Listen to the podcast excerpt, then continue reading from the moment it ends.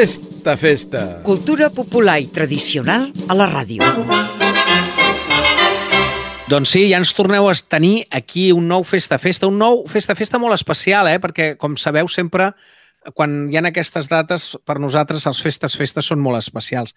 Doblement especial perquè el Jesús Ventura doncs, no, no, encara no pot estar amb nosaltres perquè s'està recuperant de la Covid i aviat aviat, ben aviat, o així ho desitgem, el tindrem al nostre costat, doncs, tornant a portar les rendes i sent la primera veu del programa, però en aquest cas doncs, continuo sent jo el que fa, el que soc, que soc el locutor de reserva, per dir-ho d'alguna manera, doncs mira, és calfat per la banda i he sortit a jugar perquè el tenim lesionat, per dir-ho d'alguna manera, i així ens entenem tothom. Però també és especial perquè, d'alguna manera, és o el darrer programa de l'any, depèn com ho vulgueu veure, la gent que ens escolta per la web serà el darrer programa de l'any perquè el penjarem el divendres 31 de desembre i si no, les emissores locals, la majoria ens, ens escoltareu a partir de l'1. Per tant, per tots és un programa de cap d'any. Un programa de cap d'any que ha de servir per això, per desitjar-nos a tots un feliç any 2022 una felicitació que més d'una vegada anirem reiterant en aquest programa. Però la millor manera de felicitar-vos el 2022 per nosaltres és ara començar el Festa Festa.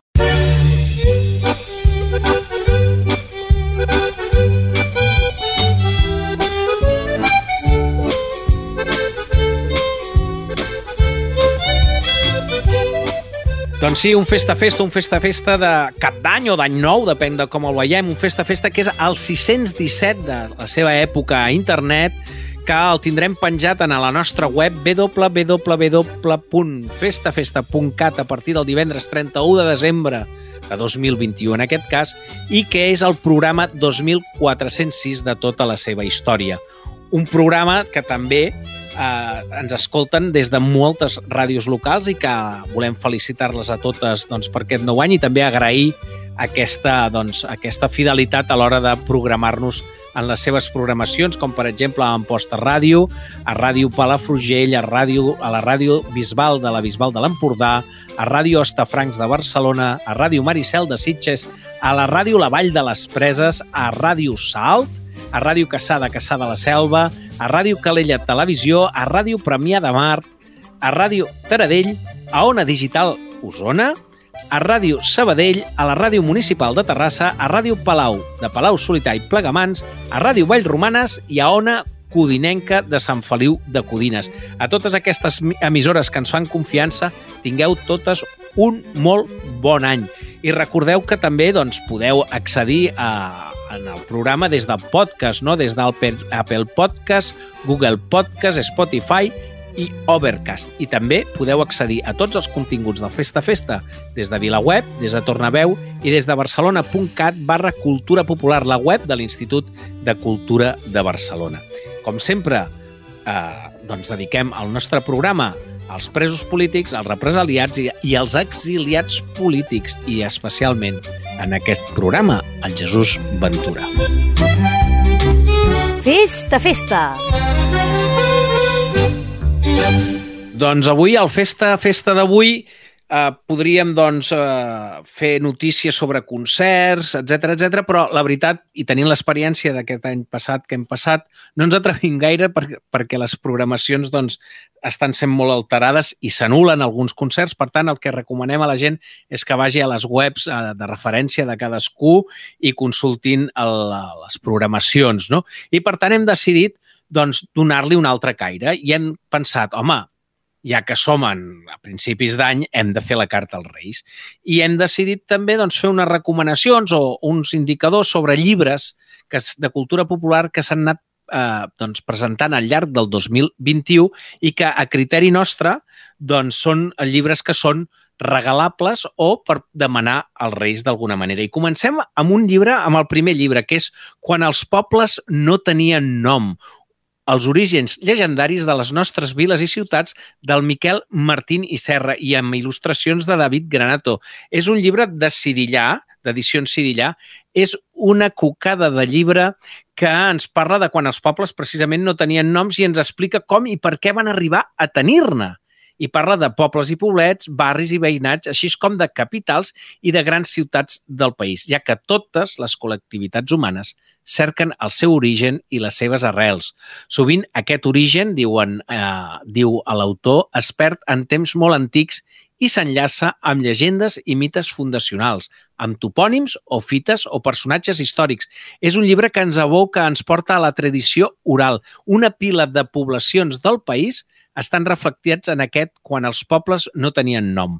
Els, els orígens llegendaris de les nostres viles i ciutats del Miquel Martín i Serra, amb il·lustracions de David Granato, d'Edicions Sidillà. I amb aquest primer llibre doncs, ens dona pas al primer tema musical que doncs, avui volem presentar-vos. I precisament us presentarem, un, us proposem escoltar el passeig en Trineu, interpretat per la Copla Sant Jordi Ciutat de Barcelona del seu CD Nadales. És eh, una versió del popular i conegudíssim Slide Ride, Passeig amb Trineu.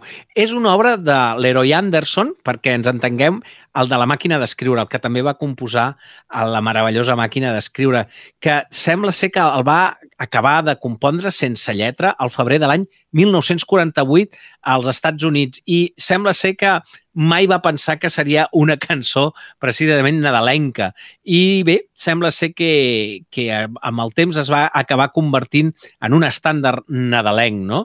Uh, aquesta, per, com com a curiositat, el músic va començar a composar aquesta peça a l'estiu del 1946 durant una onada de calor particularment forta i suposem que li venia bé imaginar un passeig amb trineu per refrescar-se. I sembla ser doncs, que aquest tema doncs, va per aquí, però en principi no tenia per què ser una Nadala. Doncs ara us proposem que escolteu Passeig en Trineu, interpretat per la Copla Sant Jordi Ciutat de Barcelona del seu CD Nadales. Nadales.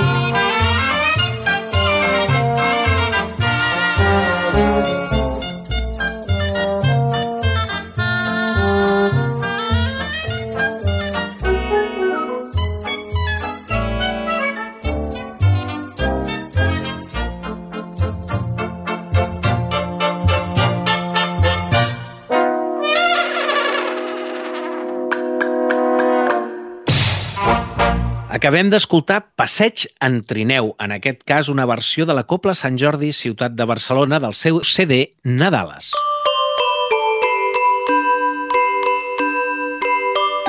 Festa, festa!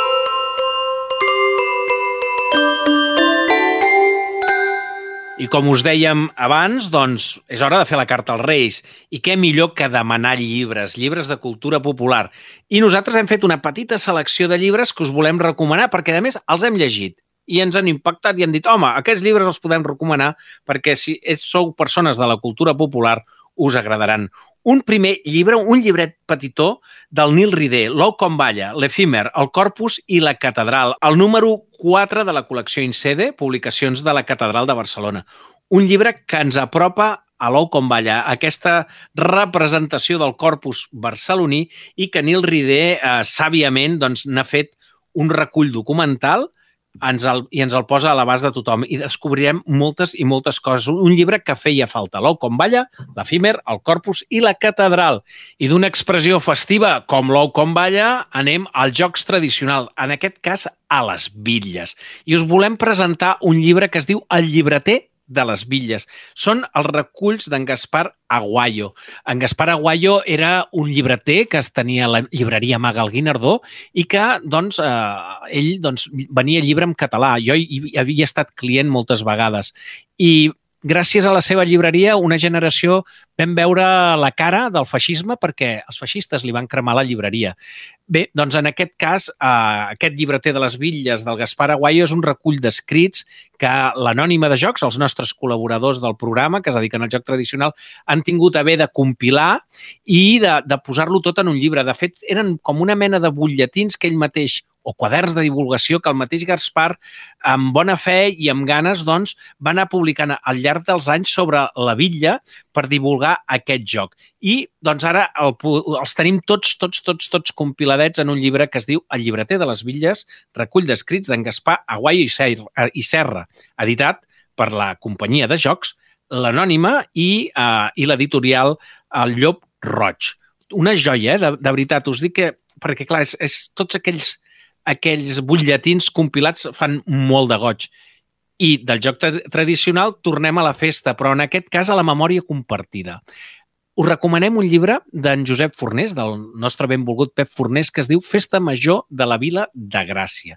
En aquest cas és una obra coral perquè són testimonis de vista que apareixen, han, eh, que, que han estat protagonistes de la història de la gent, una història que podrà ser petita, però mai menor. Vol ser el relat d'una memòria compartida, una d'aquelles memòries que conformen les identitats comunitàries, allò que ens identifica com a gent corrent. Al llarg d'aquest llibre, Festa Major de la Vila de Gràcia de Josep Fornés, doncs anem trobant quantitat i quantitat de testimonis de gent que són els festers de la Vila de Gràcia que han posat els seus records i les seves memòries festives, polítiques també, a l'abast de nosaltres ho recomanem, eh? És un llibre, en aquest cas, publicat per Rambla Edicions. Recordeu, eh? Festa Major de la Vila de Gràcia. I per acabar, ara sí que per acabar, dues recomanacions sobre bestiari. Una retrobestiari, que ja el vam presentar fa molt poquet en aquest programa, un llibre doncs, que d'alguna manera tant l'Aribert Massana com el grup d'amics del bestiari i la cultura popular doncs, han posat, han enfilat totes aquelles bèsties que es van doncs, es van crear al llarg del, de la represa festiva del país i que ara també els tenim recollits en aquest llibre, Retrobestiari, un llibre de l'agrupació del bestiari festiu, que han estat molt treballadors aquest any i no només han publicat Retrobestiari d'Edicions Morera, sinó que també han publicat el gran llibre del bestiari català, una obra de la Meritxell Bayarri, també amb el suport de l'agrupació del Bestiari Festiu, amb les il·lustracions del Carles Arbat. En aquest cas, és un àlbum de gran format on hi trobarem les, unes il·lustracions precioses i és una selecció de uh, bèsties uh, que conformen el variat bestiari de foc d'aquest país. En aquest cas, ha estat, doncs, uh, està dintre la col·lecció Kids de, i està, està editat per l'editorial Penguin. Doncs fins aquí les recomanacions eh, de llibres perquè feu la carta als Reis. I ara toca tornar a escoltar música i us proposem que escolteu una altra, una altra Nadala, en aquest cas un registre molt diferent, un estil molt diferent. És una Nadala que es diu Si ens veiessis. És del Joan Dausà amb la Sara Pi. I també la trobem, aquesta Nadala, la trobem dins el CD La Festa Final, un CD del 2016. Escoltem Si ens veiessis. Música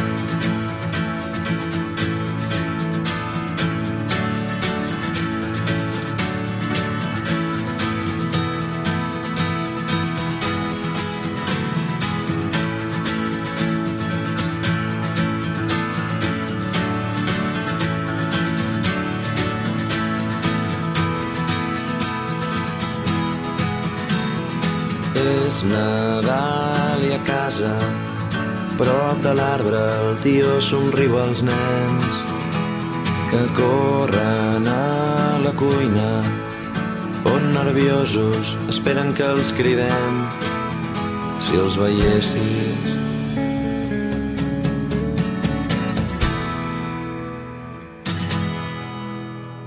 Sota de la manta hi ha joguines un detall pels grans. Sento algú que crida, tothom a taula, és hora de dinar. Si ens veiessis, si ens veiessis,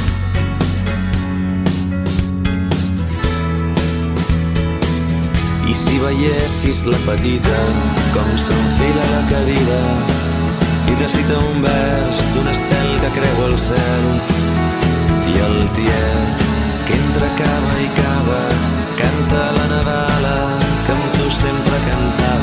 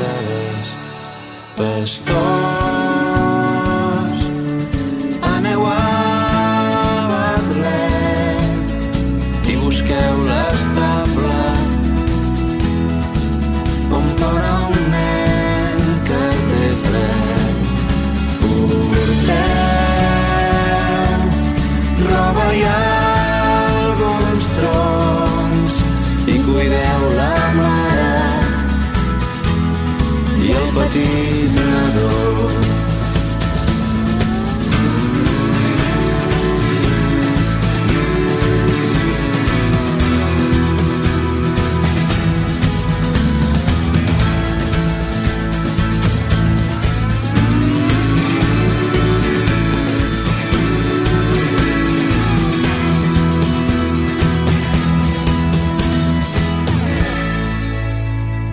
Veiessis de Joan Dausà amb la Sara Pi, del CD La Festa Final. I continuem amb les seccions, continuem amb el Festa Festa. Donem pas a la crònica castellera del baròmetre casteller. Avui porta a la segona part del resum anual, el Top 20.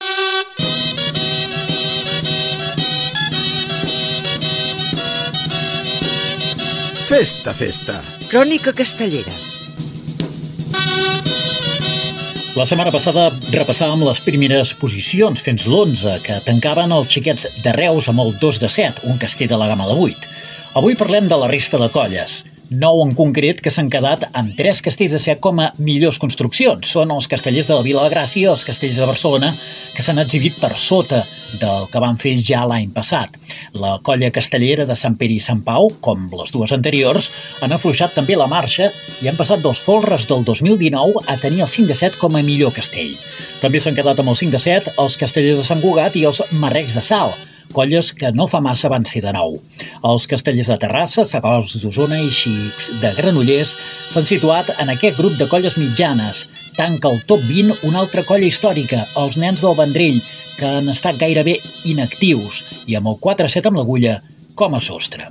11 colles més han fet bàsics de 7 en aquesta curta temporada. Castellers de Lleida, Castellers d'Esplugues, Bordegassos de Vilanova, Tirallongues de Manresa, compartint posició amb els tres mateixos castells i Pilar de 5.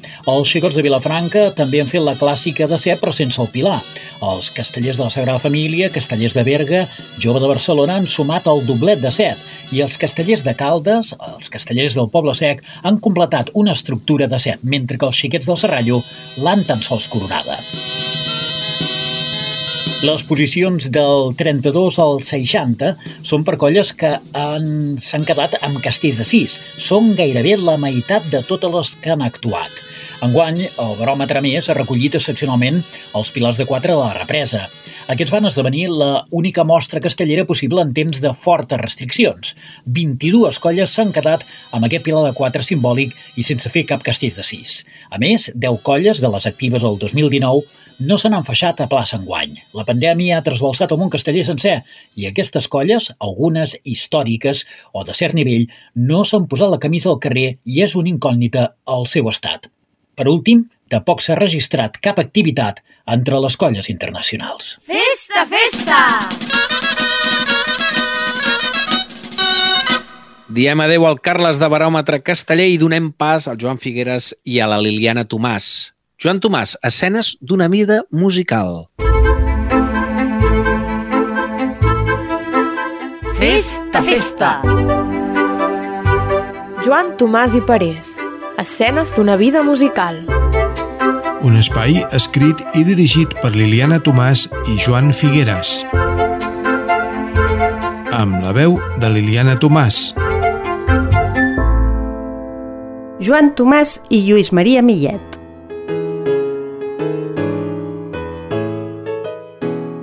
Joan Tomàs va mantenir una llarga i profunda amistat amb Lluís Maria Millet i Millet, que era fill del gran mestre Lluís Millet i Pagès.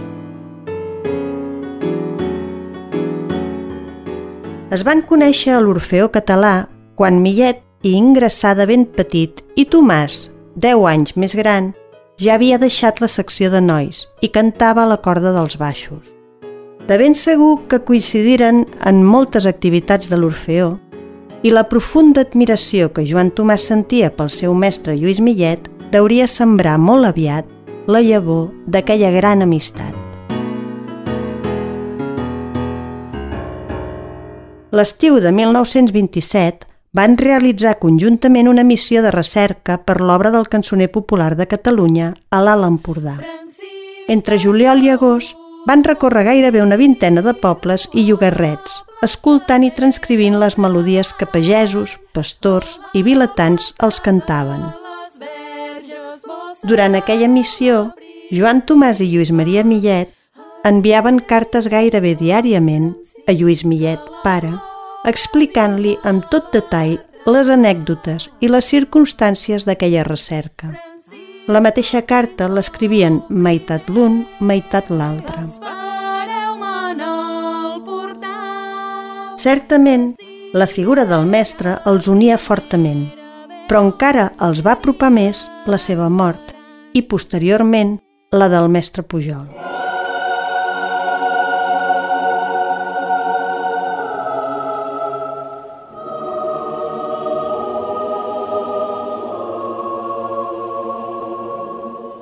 Quan el 1946 l'Orfeó Català va reprendre les activitats, Lluís Maria en va assumir la direcció, nomenant Joan Tomàs i Josep Jordi Llongueres sots directors. Així es va formar l'equip que va portar novament l'Orfeó al capdavant de l'elit musical.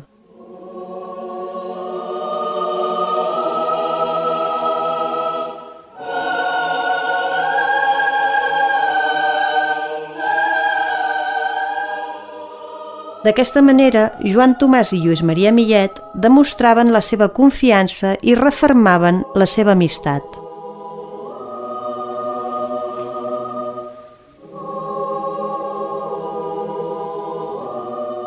Quan Joan Tomàs va morir, Lluís Maria va publicar Voldria escriure amb calma unes paraules dedicades a l'estimat mestre Tomàs. Quelcom que fos una mica digne d'ell, artista humil, bondadós, sincer, home bo, apòstol del nostre veritable art coral, recercador incomparable de la nostra cançó popular, amic dels infants, lligat des de la seva infantesa fins a la mort a la vida de l'Orfeó català que tant li deu. Amic fidel de l'ànima amb qui he compartit tota la meva vida artística, els triomfs i, per què no dir-ho, les amargors. Ésser amic i confident del mestre Tomàs era conèixer la vera amistat. Amic dels infants, se li havia encomanat la simplicitat de la infantesa. No coneixia la malícia ni la malevolença. Sofert en les penes, fruint en les alegries, consolava i encomanava la seva joia a qui el coneixia.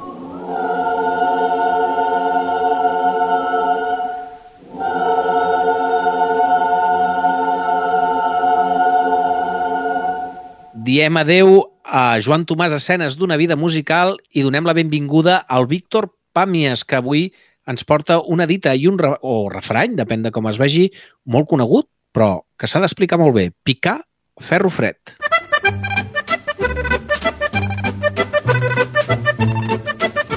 Fes de festa. Dites i refranys. Amb Víctor Pàmies. Picar ferro fred. No cal ser un expert ferrer per saber que picant ferro fred és fer una acció que ens fa perdre inútilment el temps i que no ens fa obtenir els resultats desitjats. Per això el refranyer fa servir aquesta imatge tan plàstica per incidir en esforços vans. S'usa per indicar que fem esforços inútils. Fins i tot un maldestre del bricolatge sap que determinades tasques s'han de fer amb determinades eines i en determinades condicions. I a tots se'ns venen les imatges de televisió d'aquelles fargues i forges on el ferrer pica amb el mall damunt l'enclusa aquella barra de ferro roent. Per tant, ens cal aprendre a usar les eines adequades en els moments propicis per obtenir els resultats desitjats. Picar ferro fred. Gràcies, Víctor Pàmies, per les dites i refranys que ens has portat avui.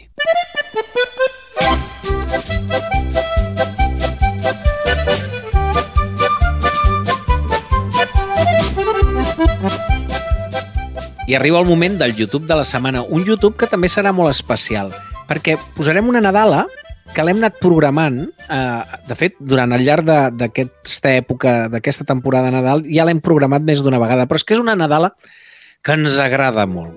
Parlem del noi de la mare. I en aquest cas portarem una versió que va fer Lluís Gavaldà, és una peça interpretada per Lluís Gavaldà, ja sabeu, el dels pets, eh? I la resta de cantants que van intervenir en un, en un CD que es diu Cançonetes per la Bressola. Eh? I al YouTube, aquest anireu veient que van sortint tots eh? en el YouTube, i en aquest YouTube, precisament, la posada en escena és de Lluís Danès. Es va fer, aquesta posada en escena d'aquest vídeo es va enregistrar l'any 2010 per la part de, de televisió de Catalunya. Ara us deixem amb aquest YouTube de Lluís Gavaldà i el noi de la mare. Què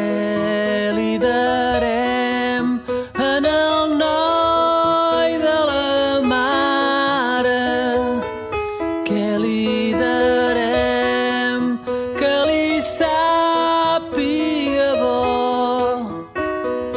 Panses i figues i nous i olives panses i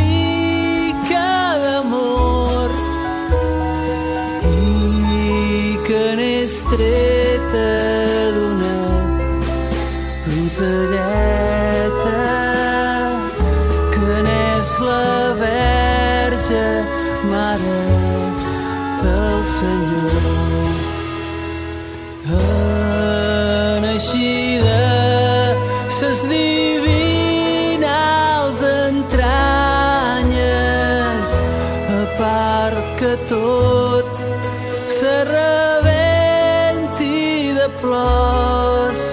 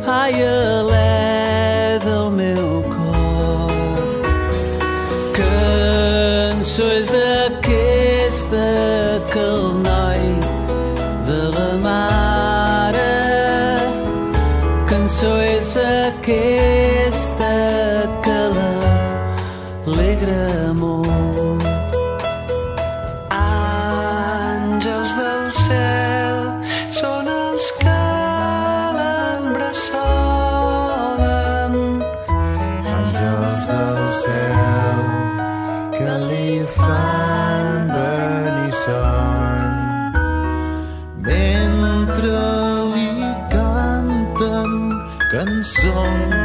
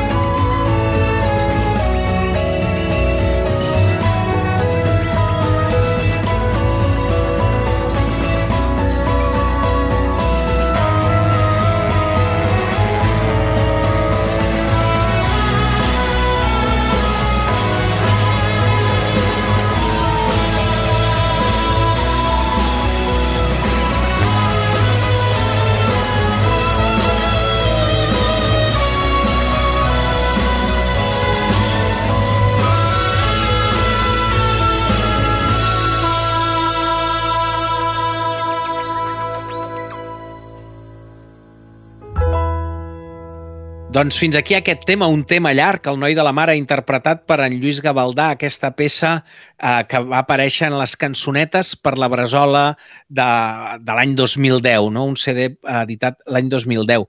Amb això, doncs, donem pas al Cançons que tornen, donem la benvinguda al Pep Adell, que avui ens porta un tema d'en Ramon Calduc, la Montserrat estimada.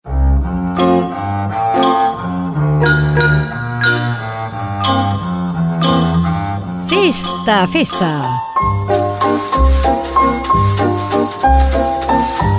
Cançons que tornen. Unes pinzellades a l'entorn de la nova cançó amb les veus dels seus protagonistes. Recull i presenta Josep Maria Dell. Càpsula número 33. Ramon Calduc.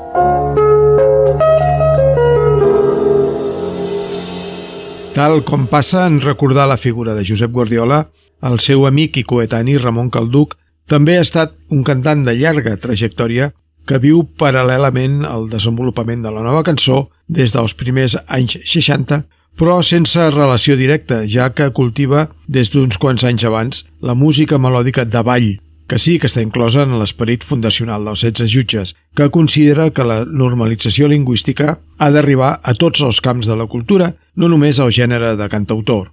Ramon Calduc neix l'any 1928 a la població ballesana de Montcada i Reixac, on viu i comença a estudiar de petit pensant ja en la música i en la professió de cantant, però amb poques possibilitats educatives en aquest sentit. Vaig passar la meva infantesa a Montcada i amb els amics que sortíem a jugar al carrer i anàvem a l'escola junts i tal, doncs no hi havia ambient musical, perquè no hi havia ningú que estudiés música. I aleshores jo em trobava un amic eh, com un estrany, oi? Com un extraterrestre. Però eh, com que m'agradava molt cantar perquè ja cantava eh, i jo em recordo doncs, que es havia format un coro i, eh, i, i, havíem cantat inclús caramelles i tot això.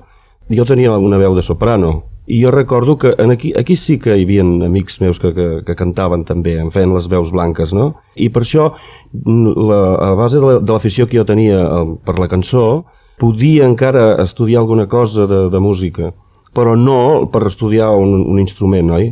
Quan tenia 15 anys vaig entrar a treballar de fuster amb un tio meu que era l'encarregat de la fusteria. Vaig treballar fins als 23 anys, o sigui, 8 anys. Quan em vaig llicenciar del servei ja vaig, em vaig iniciar, ja vaig començar a cantar amb una orquestra de, del Vendrell i vaig ser allà 4 o 5 anys, aleshores vaig venir aquí, vaig cantar amb l'Orquestra Florida d'aquí a Barcelona ja vaig debutar aquí, aquí a Barcelona ja amb el meu conjunt i va ser quan va gravar els primers discos, l'any 59. Amb tot plegat, poc abans dels 20 anys, Ramon Calduc ja puja professionalment als escenaris i després actua als festivals de Benidorm i de la cançó mediterrània per posar ara només un, un parell d'exemples. Aquests són els records que tenim de Ramon Calduc, que mor l'any 2008 a la seva població natal, Montcada i Reixac. El seu patrimoni discogràfic conté una quarantena de discos, dels quals 14 exclusivament en català. Ha estat un intèrpret molt versàtil, cantant i enregistrant música de ball, sardanes, cançons patriòtiques, versions d'èxits internacionals i fins i tot òpera, a més de cançons originals que li escriuen compositors i lletristes diversos, com la que torna avui al Festa Festa. Ramon Calduc publica un primer disc de Nadales en català l'any 1964 i el segon, l'any següent, donem triat la cançó Montserrat Estimada, del compositor Isi Fabra, amb la lletra de Santiago Guàrdia Moreu. La veu és la de Ramon Calduc.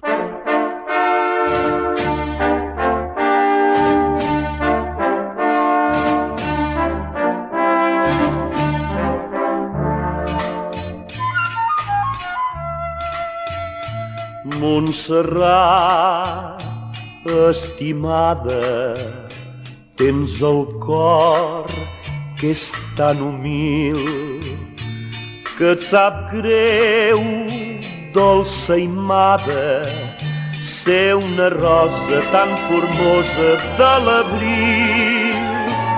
Ets també moreneta i el teu nom és ben triat i un clavell esta boqueta quan somrius, per això et dius Montserrat. M'has de mirar i sense por m'has d'estimar igual que jo. Amor, la verge ja ens guia si fem via i quan somnia nostre cor ja veuràs a l'unir-nos quan als cims haurem pujat com voldrà beneir-nos amb amor, nostre amor, Montserrat.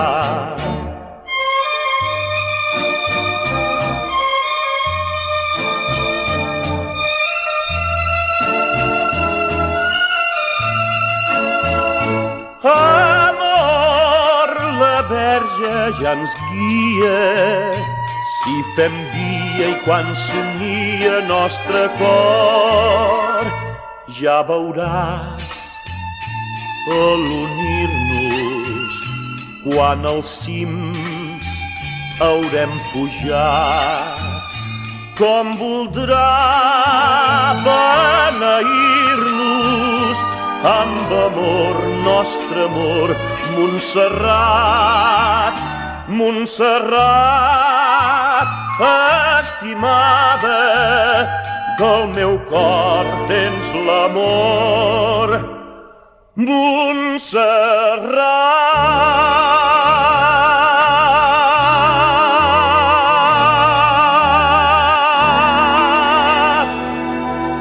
Aquesta és la cançó que ha tornat avui de la nostra fonoteca històrica, Montserrat Estimada, una composició d'Isi Fabra amb lletra de Santiago Guàrdia Moreu i la veu de Ramon Calduc, una producció discogràfica del segell Columbia de l'any 1965. Doncs moltes gràcies, Pep Adell, per aquest Cançons que tornen, que ens has portat aquesta Montserrat estimada, interpretada per Ramon Calduc. I continuem, i ara passa una cosa d'aquestes estranyes quan el programa es fa a una sola veu, de que jo mateix m'he de presentar a mi mateix, perquè ara toca un expedient C.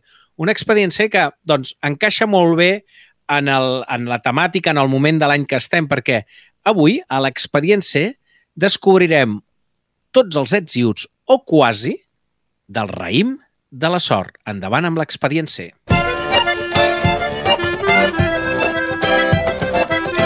Festa, festa. Expedient C, amb Amadeu Carbó. Tot a punt per rebre l'any nou i cada any es repeteixen els mateixos comentaris davant dels televisors. Que si aquest any les 12 campanades es faran des de tal lloc o de tal altre, que si estan gravades però ens fan passar que són en directe, que si el cop de la bola de neu de la Maripau Huguet estava preparat, etc etc. Els moments més dramàtics arriben, però, en el moment que s'explica que primer sonen els quarts i no les campanades, ja que sempre hi ha qui no ho entén del tot. Mentrestant, 12 grans de raïm per cap esperen ser deglutits al ritme de les darreres 12 campanades de l'any. L'origen de la tradició de menjar 12 grans de raïm per donar la benvinguda a l'any que comença no està del tot clara. El que sí que està clar és que l'inici del costum cal situar-lo a Madrid, a finals del segle XIX o principis del XX. Per tant, estem davant d'una pràctica moderna. Tant és així que els folcloristes com Campany, Amades o Violant no la recullen en els seus treballs, ja que no la consideren una tradició ni tan sols l'esmenten. Probablement, els autors esmentats van viure la introducció d'aquest nou costum com una moda. Una de les hipòtesis, la més estesa, ens explica que l'origen l'hem de trobar l'any 1909 a partir d'una campanya que els productors de raïm d'Alacant van endegar per donar sortida a un excedent de producte. Cal dir que els experts en aquest cultiu dubten molt i molt d'aquesta versió. La hipòtesis de l'excedent de 1909 s'ensorra si llegim la pàgina 6 de la Il·lustració espanyola i americana del 8 de gener de 1907, dos anys abans, que, amb toc queixós, explica l'arrelament del costum en les classes populars quan de fet havia començat com una sàtira. Anem a la sàtira. Coneixem el costum a finals del segle XIX de les famílies benestants d'acomiadar l'any amb xampany i menjant raïm per allò de tirar avall i que la premsa del moment explica que són costums refinats arribats de França. L'any 1882, arrel d'unes disposicions municipals que regulaven l'ús del carrer la nit de Reis, grups de madrilenys de les classes populars van concentrar-se a la Puerta del Sol en senyal de protesta i desacord amb la mesura i van dur raïm per parodiar les classes altes de la ciutat. Amb aquest gest, quasi espontani, començava una de les tradicions més arrelades del cap d'any. L'any 1897, el diari Gedeon, de 31 de desembre, en un dels seus articles, ja parla de costum. El que sí hem pogut constatar que a casa nostra el seguiment d'aquest costum ha estat d'origen molt desigual. De fet, la majoria dels testimonis entrevistats, però no tots, ens informen que no celebraven l'arribada del nou any fent ingestes de grans de raïm i que la seva expansió va molt lligada a l'entrada del televisor a les llars. Televisió Espanyola retransmet les campanades de la Puerta del Sol de Madrid des de l'any 1956, llevat del 1973, que es van fer des de Barcelona. Aquestes retransmissions són la clau de l'arrelament d'aquest costum a tot el territori de l'Estat. Si voleu endinsar-vos en els costums i tradicions del cicle nadalenc, com el que us acabem d'explicar, en trobareu molts més a Celebrem el Nadal, de la col·lecció L'Ermità d'Edicions Morera. Bon any! Festa, festa!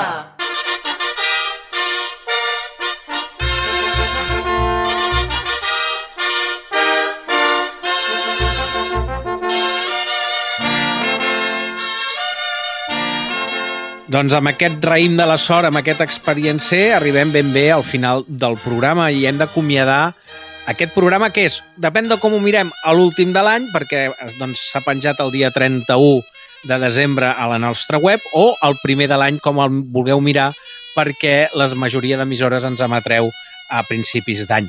Tant és, bon Nadal, ai, bon Nadal no, bon Nadal no, però què dic jo? Bon any, bon any a tothom, però abans de dir-vos d'acomiadar el programa del tot, com que també aquest programa és un programa especial, doncs d'alguna manera tot l'equip del Festa Festa us, us volem desitjar bon any, un bon any, un 2022 que s'obre al davant nostre que ha de ser aventurós i millor que aquest 2020, perquè déu nhi aquest 2021, perdoneu, perquè déu nhi quin anyet hem passat tots plegats, que si pandèmies amunt, que si pandèmies avall. avall.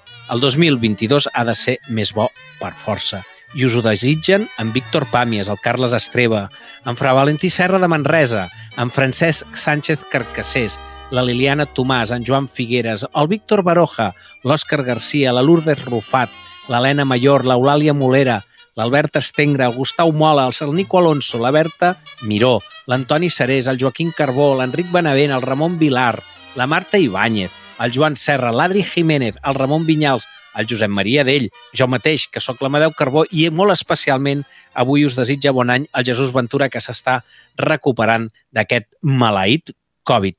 I per deixar-vos ara, doncs us deixarem amb música, amb música de la bona, molt bona. Perquè hem pensat, home, quan arribes així a final d'any, a principis d'any, eh, mesurem el temps molt, perquè és allò, no? A les 12 de la nit. I per mesurar això necessitem un rellotge i per això hem programat el rellotge de l'avi, una composició d'Agustí Borgunyó que en aquest cas, eh, la que escoltareu ara, ha estat interpretada per la Copla de Cambra de Catalunya dins el CD Agustí Borgunyó 1894-1967, una producció de l'any 2001 de Músics per la Copla. Amb aquest rellotge de l'avi us diem adeu fins la setmana que ve i, sobretot, molt bon any a tothom.